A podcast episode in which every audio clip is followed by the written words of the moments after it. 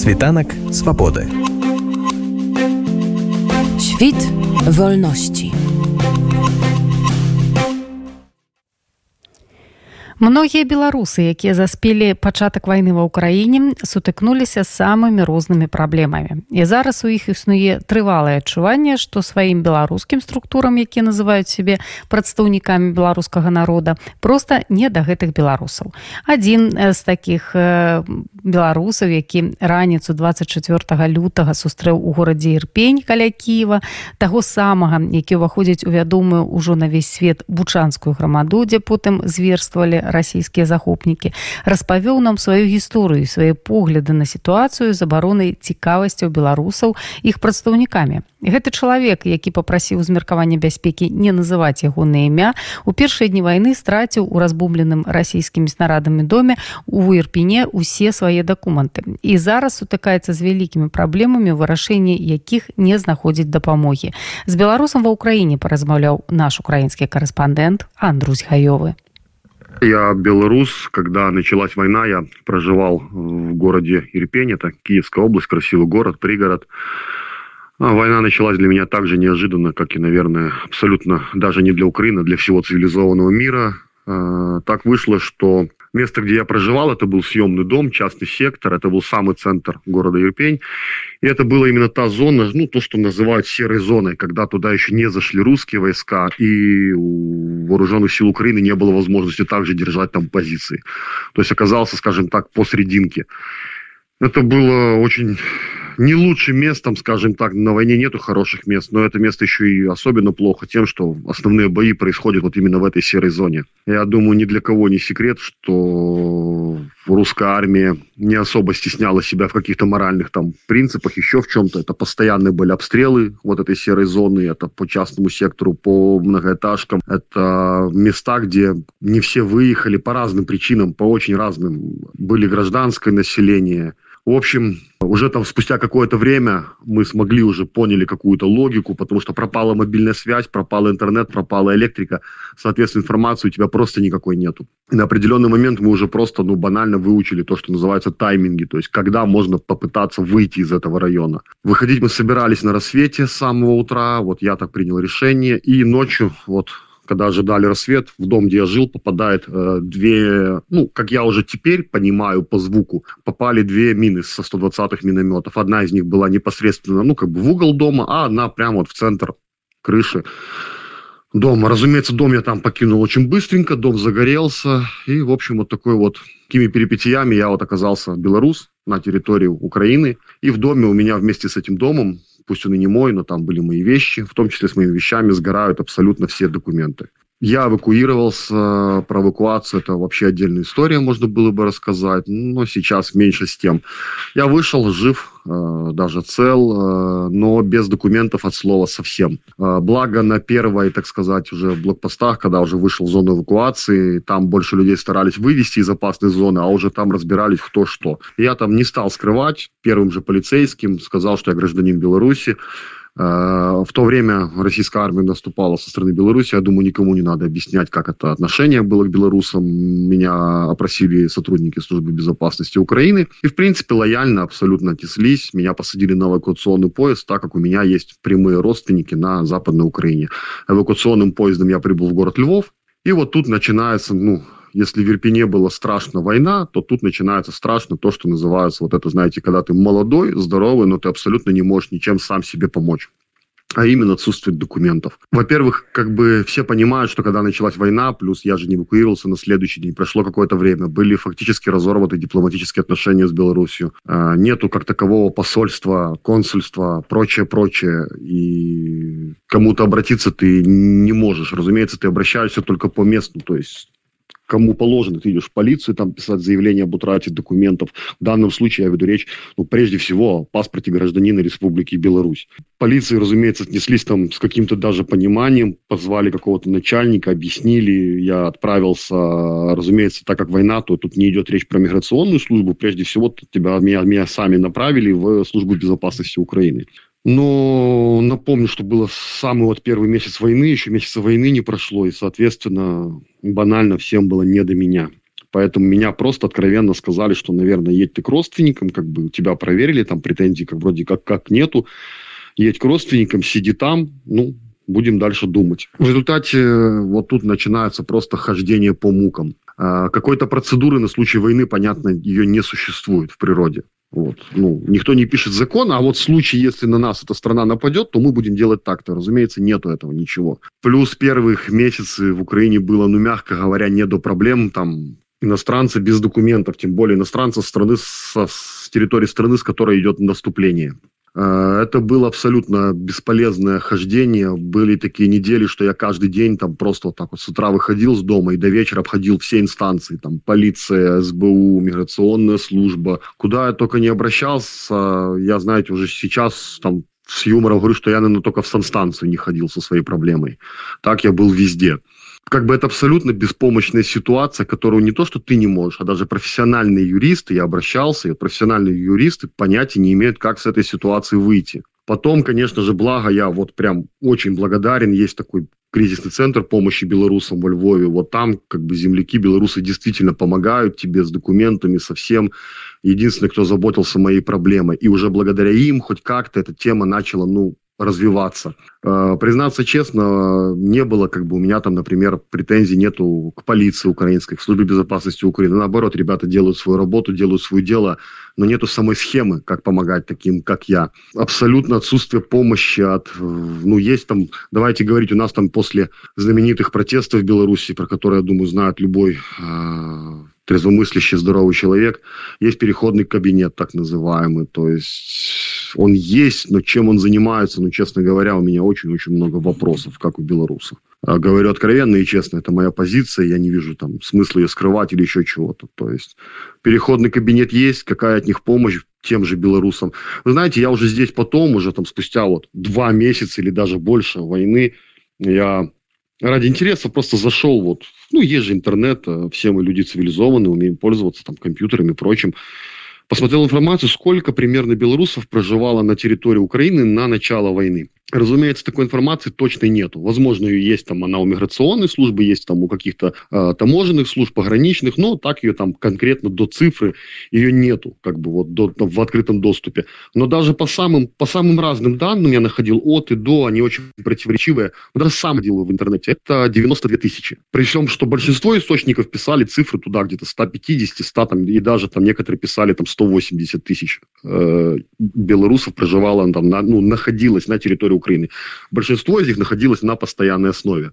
Ну, то есть вот такое вот огромное количество белорусов. Уже потом в городе Львов есть такая миграционная служба.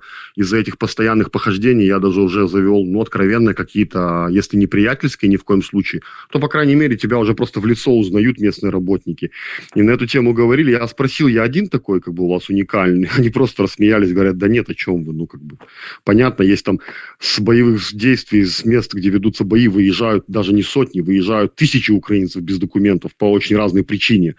Но это украинцы, есть базы, да, там свой, как бы восстановить документы, это не есть проблема, тем более в, во время войны это упростили.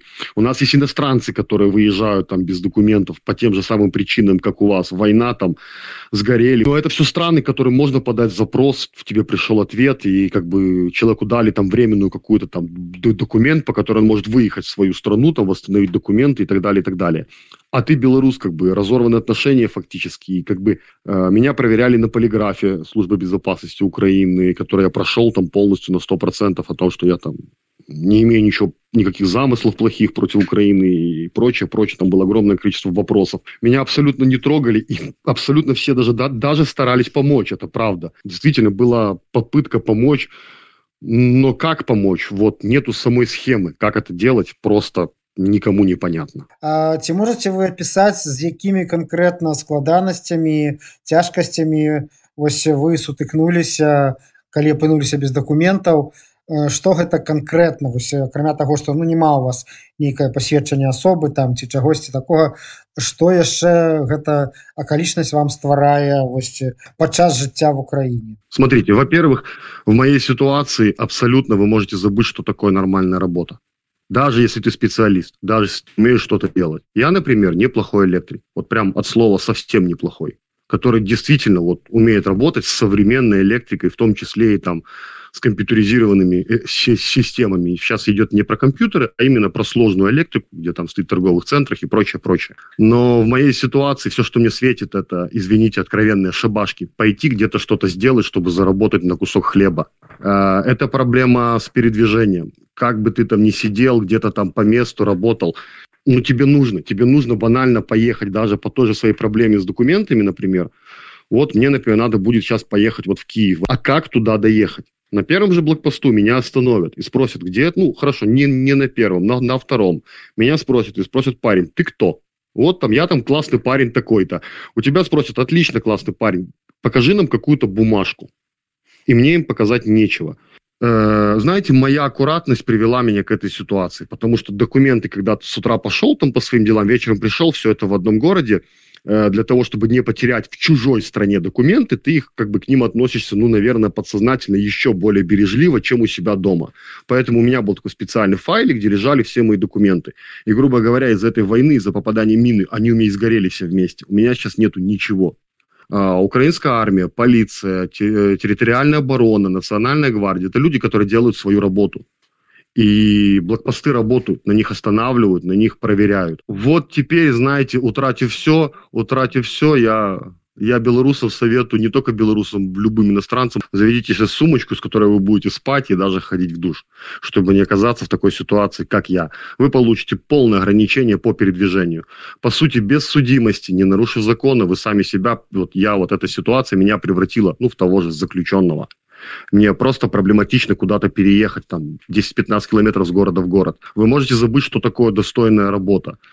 А, вы, в принципе, знаете, без бумаги ты никто а в военное положение это актуально там в 3, в 4, в 5, в 10 раз серьезней. Грубо говоря, вы превращаетесь в абсолютного человека-призрака. Вас нету, и вас нету ни для кого.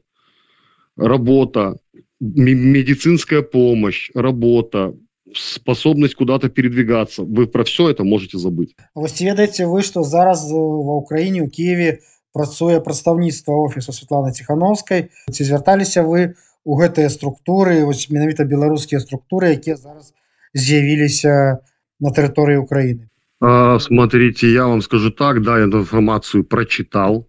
Я не буду скрывать вы просто вот как бы я действительно собирался туда ехать причем собирался это там речь идет про просто ближайшие дни. И признаться честно поеду но знаете, есть интернет, опять же, мы умеем пользоваться. Я очень интересуюсь политикой Беларуси как своей там малой родины, как бы там, где я вырос, там, где жил и получал образование, где прошло детство, где... Давайте говорить честно, что самые приятные воспоминания у человека всегда идут с детства.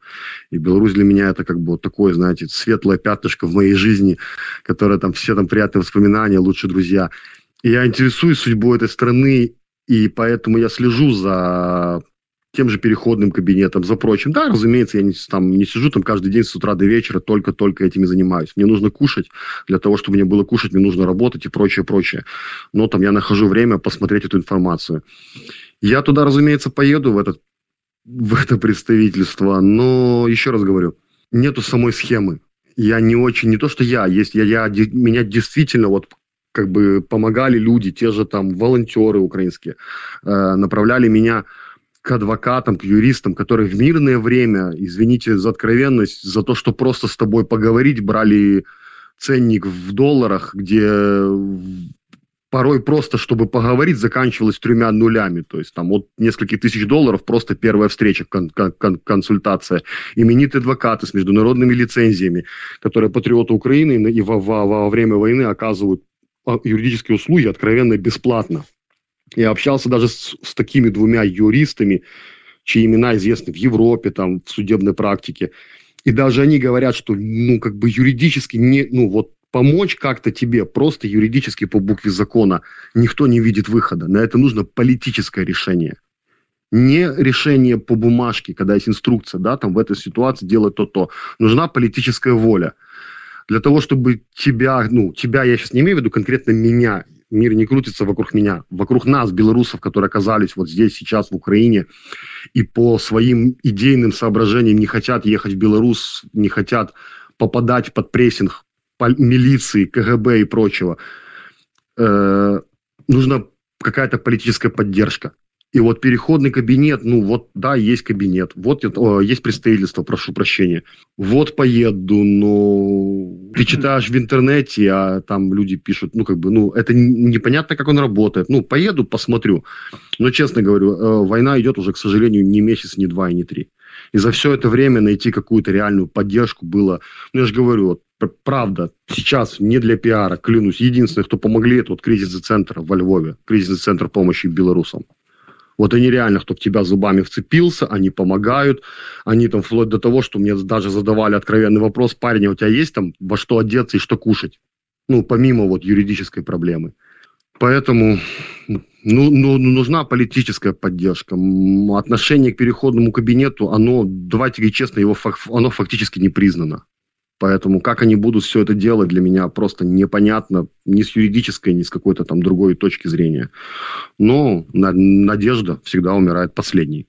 Паколькі вы гаворыце што вы сочыце за палітычным парадкам дня так бы мовіць то вы напэўна ведаеце што в апошнія дні апошнія тыдні э, украінская ўлада вельмі актыўна супрацоўнічае сустракаецца з тым жа палком каліновскага з іншымі такімі военными подразделениями якія служаць у складзе ўзброеных сил Украины ці не спрабавалі вы неяк выходзіць на украінскія органы праз вось гэтыя военизованные беларускія структуры да разумеется пробовал э, на самом скажем так на заре всего вот когда я уже понял что помощи будет очень сложно добиться благо есть в интернете контакты полка костуся калиновского и и я даже обращался туда, ну, скажу так, что ребята красивые снимают ТикТок, прям вот потрясающие. А, в принципе, все. Сложилось впечатление, что больше они ничем не занимаются. Есть другие подразделения белорусских добровольцев, и да, я не скрываю, что с одним из них, с одним из этих подразделений я сейчас активно общаюсь, и да, действительно ожидаю от них какой-то помощи. При этом, опять же, люди от тебя ничего не требуют, люди просто хотят тебе помочь. Да, вот так оно и есть. Есть, ну, знаете, давайте говорить честно, в любой некой компании единомышленников всегда есть какой-то мозговой центр. Знаете, смотрите, вот есть переходный кабинет Тихановской. Недавно я прочитал новость, что там переходный кабинет Тихановской передал там какие-то там дроны, по-моему, полку Костуся Калиновского. И там какое-то количество, неважно, 2.20, я не помню там сколько передали, ну сколько-то передали. Слушайте, тысячи белорусов имеют сейчас огромные проблемы в Украине. А, сам переходный кабинет Тихановской, мягко говоря, не очень-то и признают. И заниматься сейчас, имея проблемы своих земляков, я не говорю, что весь мир крутится вокруг меня, но вот я белорус, вы себя называете переходным кабинетом, вы говорите, что вы правительство, избранное народом. А, помогите мне, помогите таким, как я, помогите другим, таких, как, как я много. Они занимаются, ну, пиаром, извините, откровенным, какие-то дроны передают. Есть проблем много. Я не говорю, что у белорусов все проблемы – это документы. Есть этих проблем, их, их вопросов, даже не проблем, а в целом вопросов, их десятки, их сотни. И нужно заниматься вот этими вопросами. Я лично думаю, по крайней мере, пытаться заниматься. Если у вас не получается пытаться заниматься, ничего там страшного нету, но поднимите хотя бы вопрос. Озвучьте его вслух, встаньте и скажите, вот есть такая-то проблема, помогите ее решить. Но нет, много слов, а действовать никто не хочет. Светанок свободы. Świt wolności.